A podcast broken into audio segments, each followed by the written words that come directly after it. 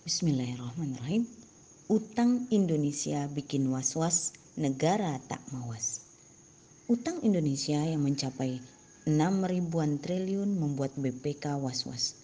Khawatir pemerintah tak mampu membayar utang tersebut. BPK menilai jika negara gagal bayar utang, maka keterpurukan ekonomi tak akan bisa dihindari.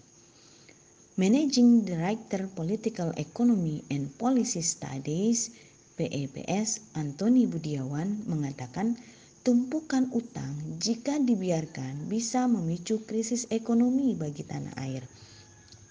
Skema terburuknya dari dampak utang tersebut ialah negara bisa bangkrut jika gagal bayar utang.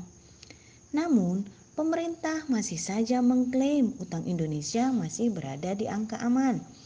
Angka itu pun dinilai oleh Menteri Keuangan Sri Mulyani masih lebih rendah dibandingkan negara lain.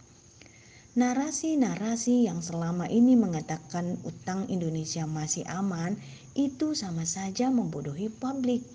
Di mana-mana yang namanya utang itu tidak akan pernah aman.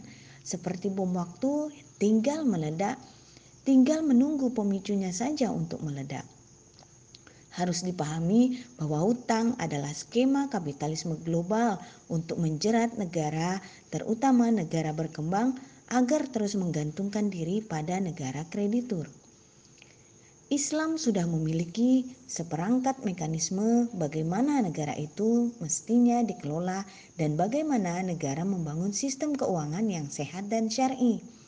Negara yang hidup dengan utang hanya akan melahirkan ilusi kesejahteraan dalam Islam, Baitul Mal adalah konsep baku bagaimana pengelolaan ekonomi negara yang tepat dan benar. Baitul Mal terdiri dari dua bagian pokok.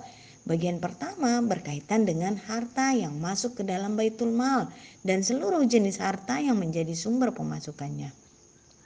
Bagian kedua berkaitan dengan harta yang dibelanjakan dan seluruh jenis harta yang harus dibelanjakan.